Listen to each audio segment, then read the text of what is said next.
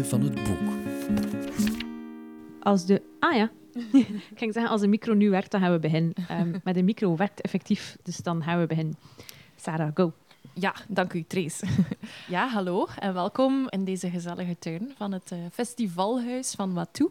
We gaan een tweede keer vertellen over de boeken die wij vinden passen bij het thema van uh, Watu. En dat is Saudade. Uh, ik heb natuurlijk een klein beetje research gedaan over wat dat precies betekent. En ik las uh, een aantal weken geleden in uh, Flow magazine dat saudade een melanch melancholiek soort gevoel is van onvolledigheid, door herinnering verbonden aan momenten van verlies van iets of iemand, afscheid van een plek of ding of afwezigheid van bepaalde ervaringen en fijne dingen die geweest zijn. Iets wat je niet kunt aanraken of terughalen, een kleine steek in je hart voelen als je aan een huis, een straat of plaats denkt waar je, het vroeger, waar je vroeger hebt gewoond. En dus die kleine steek in het hart, ik denk dat iedereen die wel kent als je denkt aan een mooi boek, uh, aan een mooi verhaal of gewoon al aan de titel. Uh, niet alleen omdat je er zo van genoten hebt, maar ook omdat het echt iets met je gedaan heeft. Hè. Meestal is een boek ook een plaats waar je niet echt naar terug kan, uh, of gewoon naar kan, want ha, fictie. Um, en vandaag hebben we eigenlijk een aantal titels mee die dat gevoel bij ons opwekken. Oké, okay, dan gaan we onze tips geven, want we hebben maar een half uurtje. Tenzij je nog iets wil vertellen? Nee. Oké, okay, voilà. Een eerste tip die ik heb uh, is uh, de debuutroman van Silver Hanneman. En dat is Of iedereen gaat dood. We hebben het geluk gehad dat we Siel deze week nog hebben kunnen spreken uh, over haar roman. en dat was eigenlijk wel tof. En daar komt ook een podcast over. Waarover gaat Of iedereen gaat dood? we volgen twee hoofdpersonen, namelijk Lander en Saskia. Saskia is een therapeute. En in het begin van het boek kom je heel snel te weten dat Saskia heeft een half jaar niet kunnen werken. Dus je merkt van oei, er is iets gebeurd met haar in haar werk. Um, en je volgt haar tijdens haar eerste dag uh, waarop ze terug aan de slag is. En tegelijk uh, volg je dan Lander. Uh, en je weet dat hij dus naar een therapeut moet, maar je weet in het begin niet waarom. je weet ook dat die twee, dat er daar iets moet gebeurd zijn. Dus ik dacht, aha, die twee hebben iets leuks gedaan. En dat mag natuurlijk niet met uw patiënt. Maar het wordt iets helemaal anders. Waarom is het een aanrader? Omdat Siel ongelooflijk mooie zinnen schrijft. Ik weet niet of er mensen zijn die een van haar dichtbundels hebben gelezen. Uh, ze heeft er twee geschreven. Als ik stil ben, heb ik een bos in mijn hoofd. Of Zo scherp, je kon er nog niet geweest zijn. Dat is dan een, uh, de andere uh, bundel. Ze is gewoon supergoed in sferen zetten. Ze kan je heel goed uitleggen waarom het voor die therapeuten op een bepaald moment gewoon blokkeert in haar hoofd. En ook waarom het voor Lander echt nodig was um, om naar die therapeut te stappen en wat er eigenlijk mis is met uh, Lander. Ik heb één fragmentje uh, aangeduid uh, dat ik heel graag wil voorlezen. Um, en waarin, ik heb het aangeduid omdat Siel er heel mooi in slaagt om um, bepaalde dingen die mensen doen om zo even te vluchten van alles, weer te geven. En heel vaak bij het lezen van de roman had ik ik doe dat eigenlijk ook. En wat ik nu ga lezen, deed ik eigenlijk uh, ook vaak. Dus het gaat over Saskia, even over de therapeuten. Dus elk moment gedeeld met haar auto was een fysieke stap verder van moeder en vader. Al sinds ze tiener was, hoopte ze op een scheiding tussen die twee. Ze deed niet graag mee aan gezinsactiviteiten, verplichte ontbijtjes en etentjes. Het enige wat haar op de been hield, de avond voorafgaand aan een gezamenlijk uitje, was het repeteren van de aankondiging. Ze sprak zichzelf toe. Morgen tijdens dat ontbijt vertelt moeder dat ze weggaat bij vader of dat hij haar verlaat. En vader zal er gewoon bij zitten en misschien niet eens de moeite nemen om het nieuws te bevestigen. Ze had de hele scène zo vaak nagespeeld in haar kamer. Ze was er elke keer van overtuigd dat de dag waarop het zou gebeuren was aangebroken. Sas, we moeten je iets vertellen, zei. Ja, uh, het zit zo, moeilijk om uit te leggen, hij. Ik zei vertellen, niet uitleggen. Zij, puntjes op de i. Is dat niet ongeveer hetzelfde? Hij, tijd trekken door oninteressante details te kiezen om over te discussiëren. Ongeveer, maar niet hetzelfde. Zij, puntjes op de i. In haar fantasieën wist moeder dat Saskia het wist. Leefde vader in alle discretie op een shabby appartement en zou alles eindelijk tot één grote ontploffing komen. Maar er werd steeds over studie en werk gesproken terwijl croissants rondgingen croissants als estafettestokjes van stilte, want een hap nemen was mogen zwijgen. Meteen na zo'n uitstap met haar ouders ging Saskia op die plekken iets eten of drinken met vrienden, klasgenoten. Ze deed het vaak, slechte herinneringen linken aan de plaats. Ze lachten, aten, overdreven veel en maakten vrolijke vriendenfoto's die uitgebreid op Facebook werden gedeeld. Het was een heldendaad, rebellie, die plaats was weer van haar. De link doorbroken. Ze gingen nooit uit elkaar, hoe vurig Saskia het ook wenste. Met hun drieën waren ze niets en toch te veel om van hen een gebroken gezin te maken. Ze werkten jarenlang aan een afscheid dat nooit zou plaatsvinden. Voilà, ik vind dat al een heel mooi uh, fragment uh, om, een, om een beeld te krijgen van hoe mooi Seal schrijft, maar ook over die, die fantasie, want het gaat wel degelijk over gebroken mensen.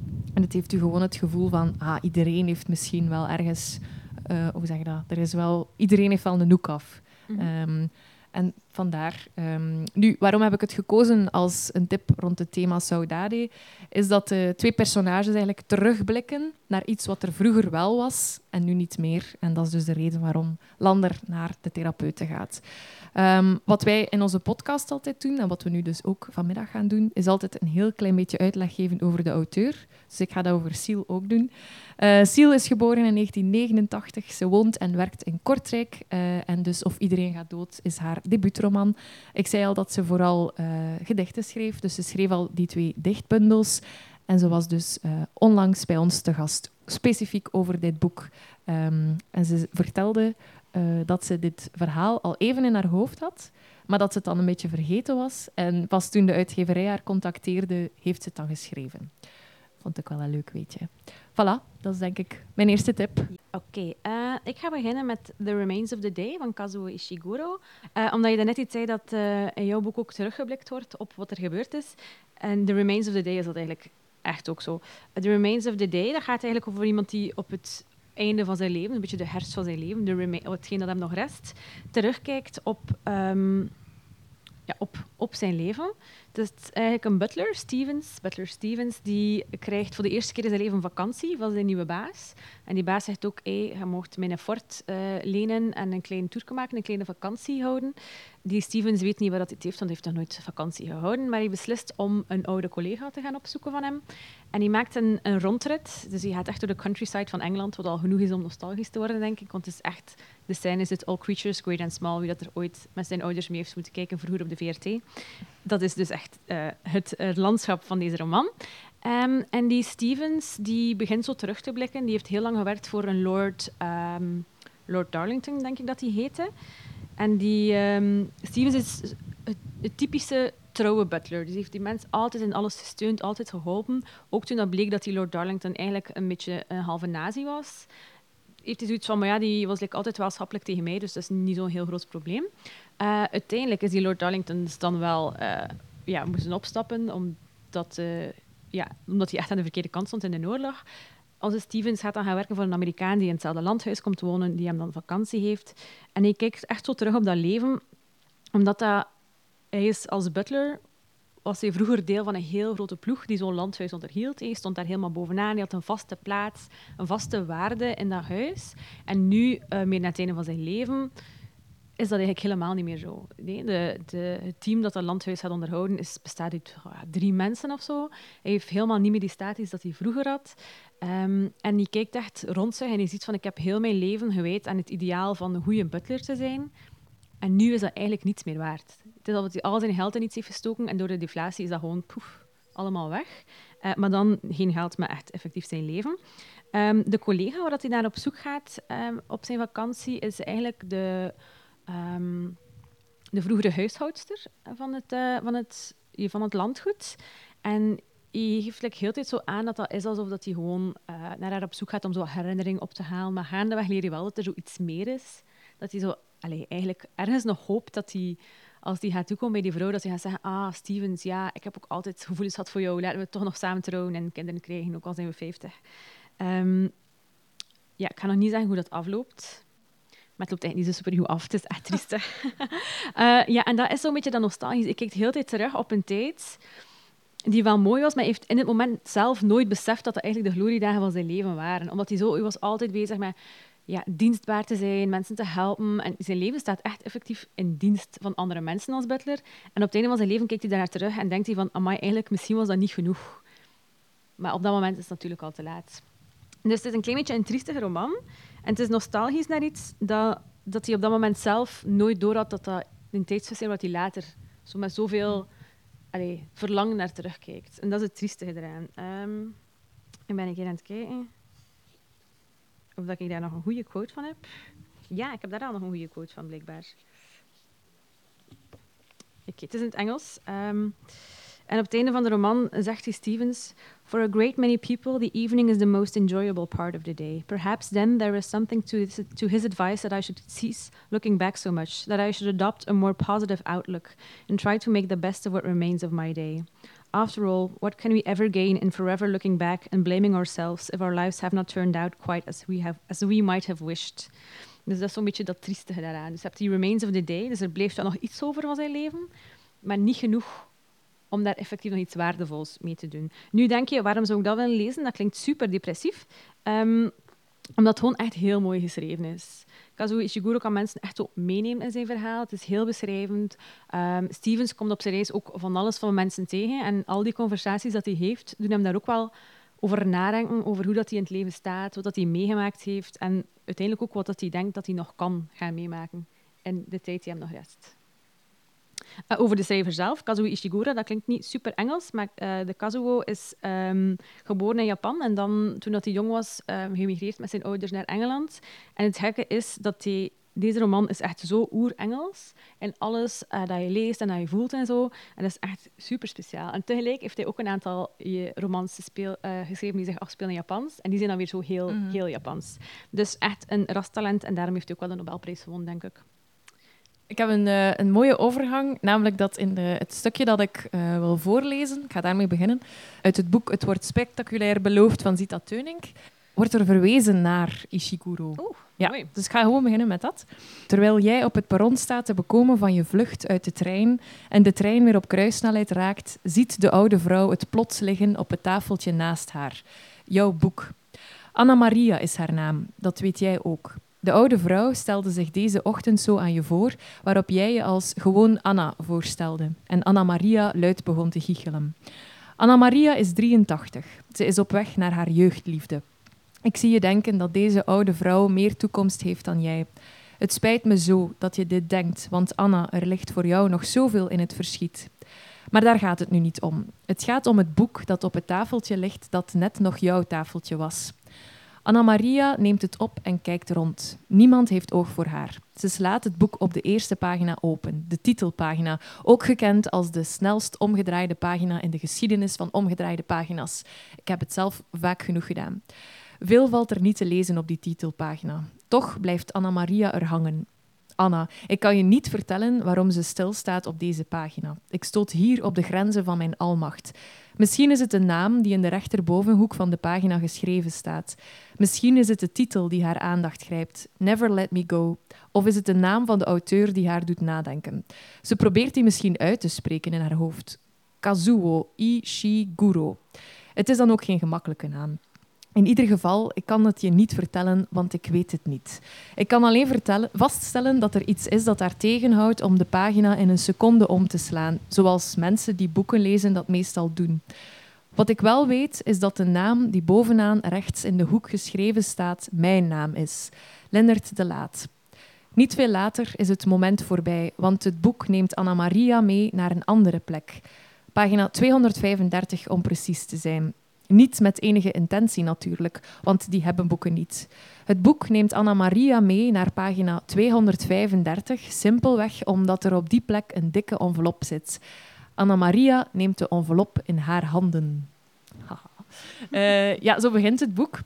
Want in het boek uh, die, die Anna Maria dus heeft gevonden, zitten 23 brieven die, die Lennart, uh, die dus de verteller is, heeft geschreven aan Anna. En dat zijn 23 liefdesbrieven. En die, kan je, die krijg je dan daarna te lezen als lezer. Allemaal na elkaar met gewoon een nummer en een datum.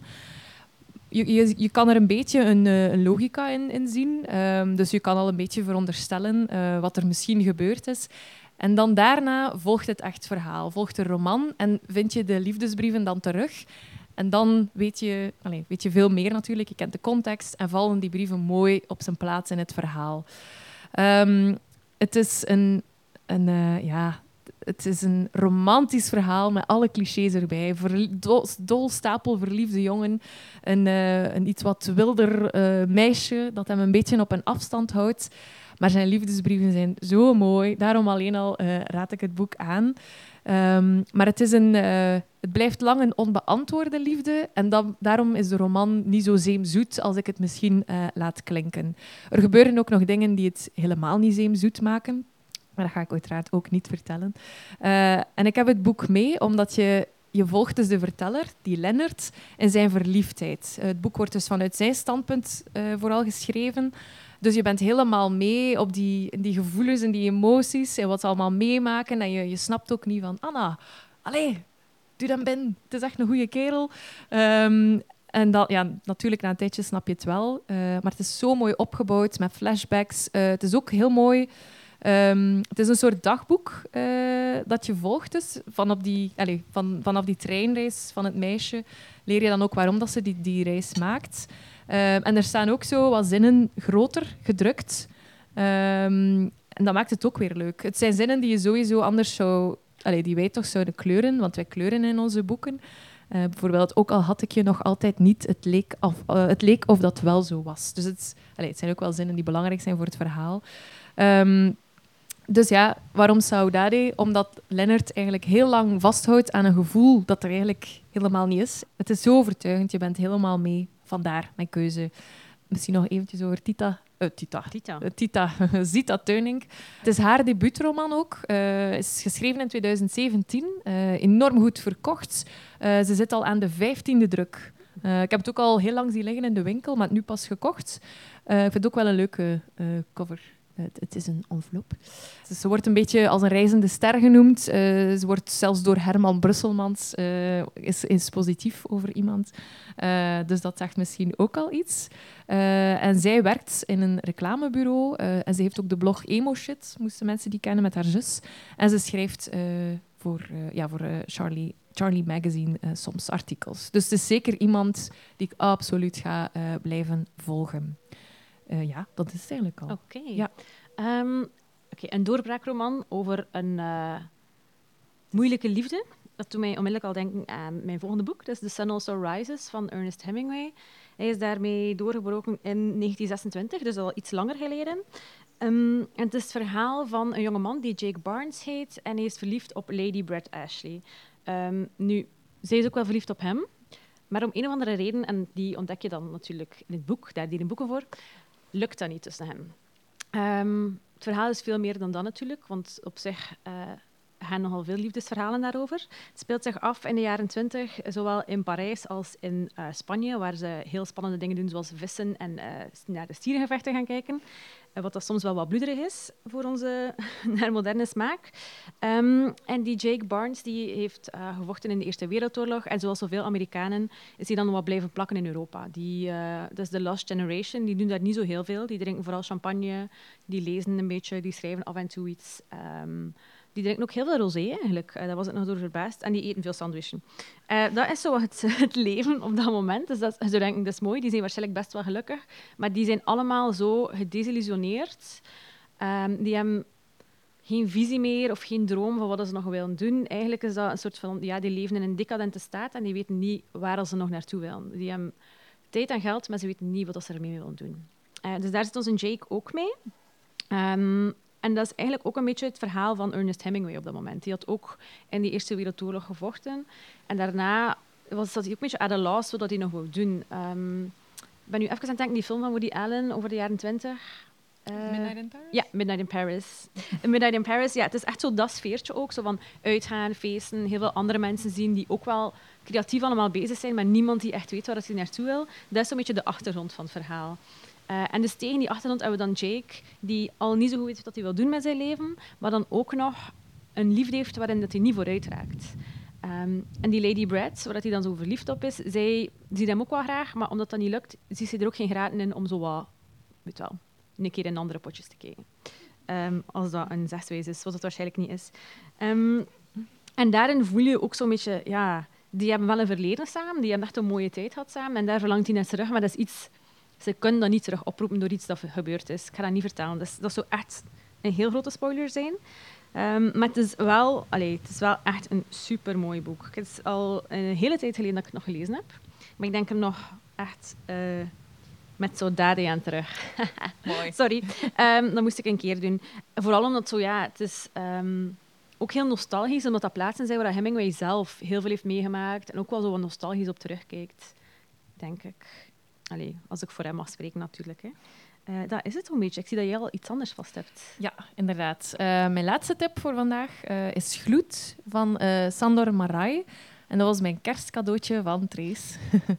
um, en dat is ook een beetje een terugblik op iets wat voorbij is en niet meer kan terugkomen. Maar ik ga wel vertellen wat. Ja, dat mag. Dat mag, hè. Dat is echt oké. Okay. Um, dus we volgen eigenlijk is het boek één avond en één nacht. Ja, dat is de tijdspanne, maar het is natuurlijk één grote flashback. Um, en het hoofdpersonage uh, is uh, een oude generaal, generaal Henrik. En hij leeft helemaal alleen uh, in zijn kasteel aan de voet van de Karpaten. En hij leeft daar alleen samen met zijn um, min. Um, dus hij is zo wat vervreemd, een beetje verzuurd van de maatschappij. En je weet al snel dat zijn vrouw ook gestorven is.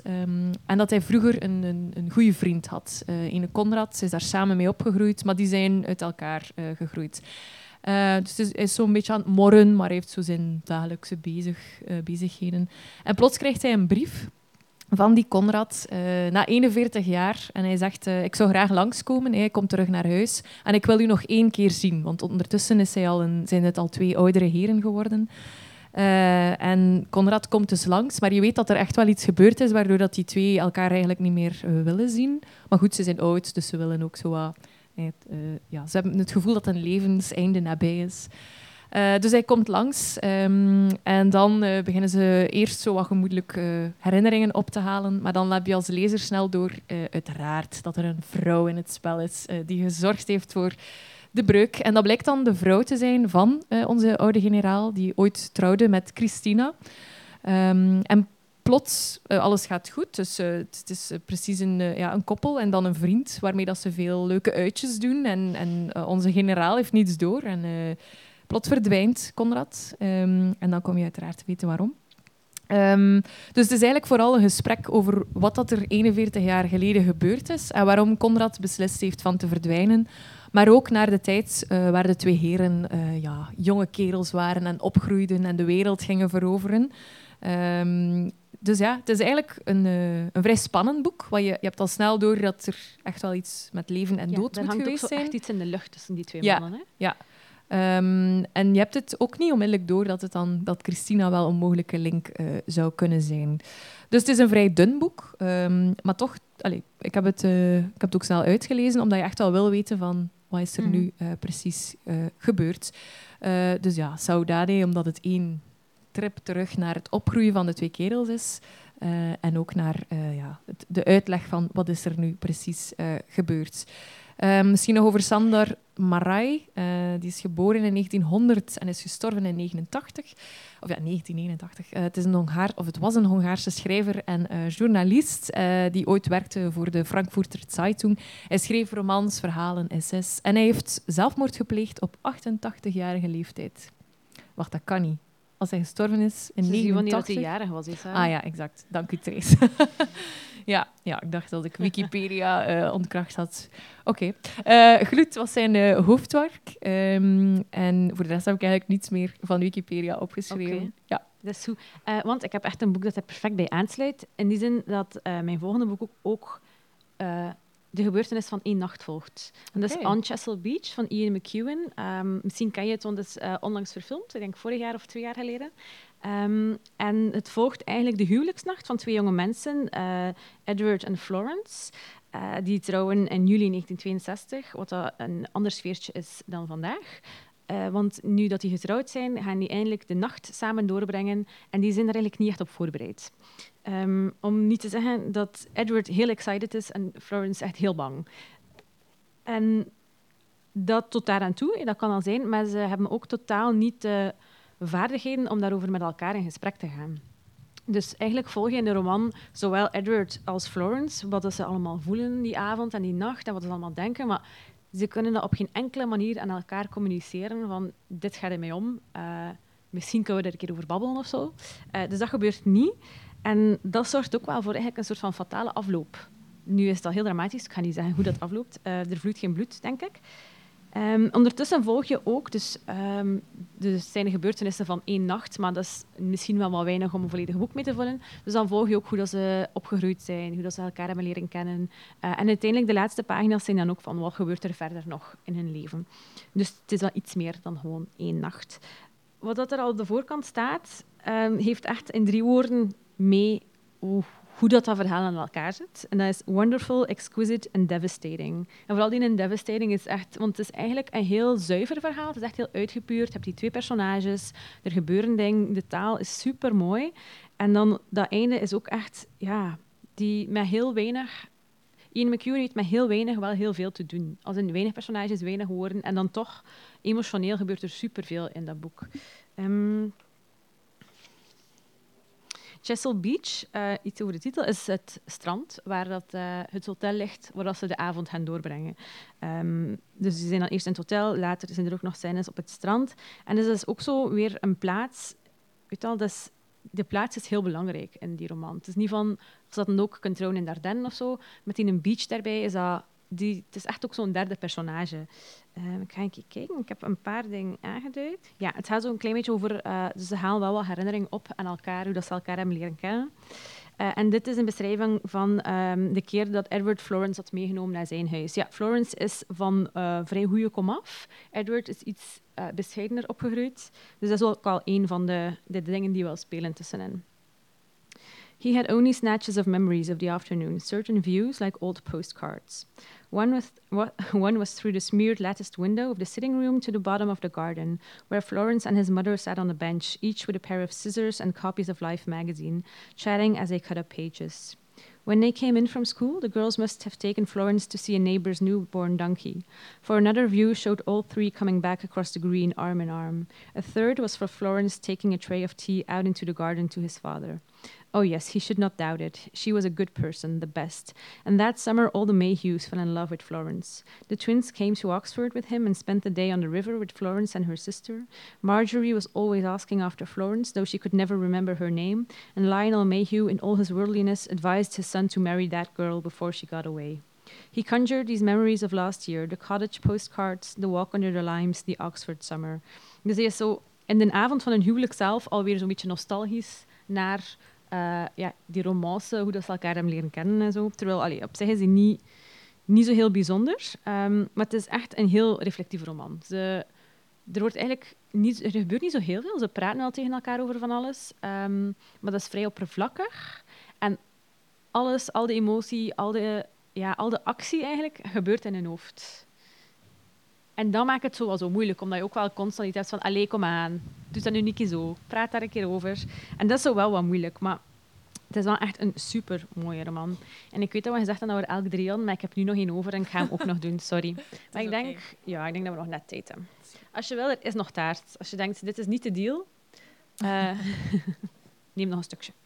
Um, en uh, ik heb misschien de meest nostalgische roman van de hele stapel als laatste. En dat is De Kant van Swan van Marcel Proust. Dat is echt ja, een monument van nostalgie, denk ik. Omdat hij constant terugdenkt aan alles. En als er nu iemand is die zijn hele leven tot in het kleinste detail heeft herinnerd en opgeschreven, dan is het echt Marcel Proust. Um, ik denk dat iedereen wel de scène met de Madeleines kent. Hij eet een, een Madeleineke en plots wordt hij teruggecatapulteerd in die tijd en herinnert hij zich van alles. Um, ik ga dat misschien ook een klein uh, even voorlezen, omdat ik dat wel een heel mooie scène vind. Het is ook ja, heel...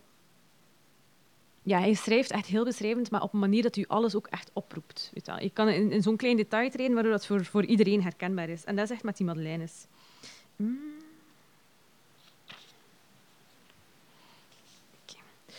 Zo is het ook met ons verleden. Het is verloren moeite als we het proberen op te roepen. Alle inspanningen van ons verstand zijn zinloos. Het ligt buiten het domein en het bereik ervan verborgen in een stoffelijk voorwerp, zonder dat wij het bevroeden.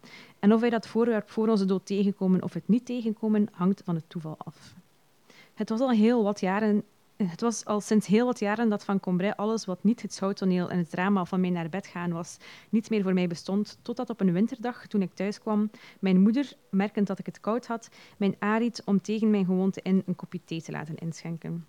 Ik sloeg het eerst af en ik weet niet waarom, bedacht me toen. Ze liet een van die bollige stompe cakejes brengen, Petit Madeleine geheten, die gevormd lijken te zijn in de gegroefde schaal van een Sint-Jacobsschelp. En even later, te neergeslagen door de sombere dag en het vooruitzicht van een trieste dag van morgen, bracht ik werktuigelijk een lepeltje thee met een brokje madeleine daarin gedrenkt naar mijn mond.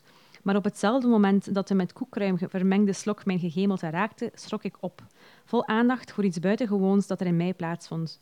Ik werd overvallen, geïsoleerd door een intens gevoel van genot, zonder notie van de oorzaak.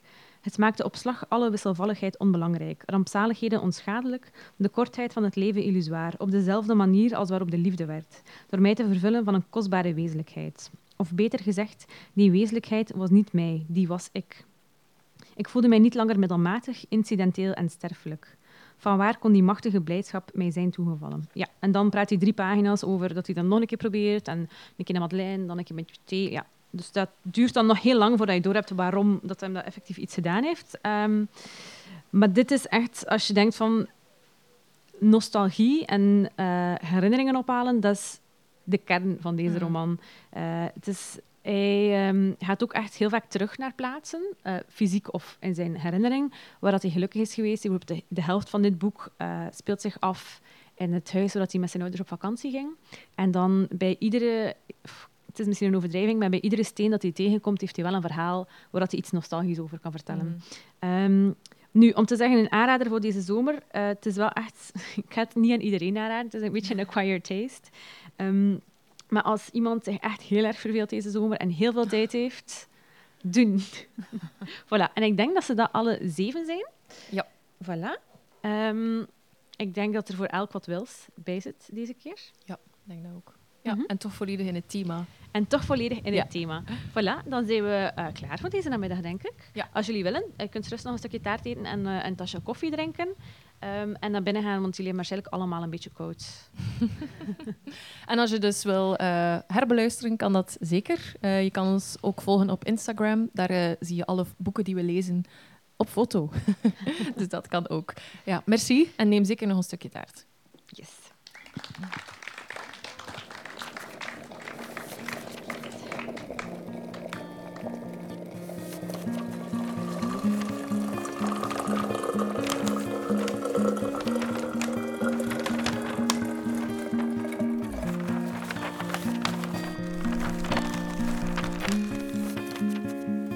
Van het boek.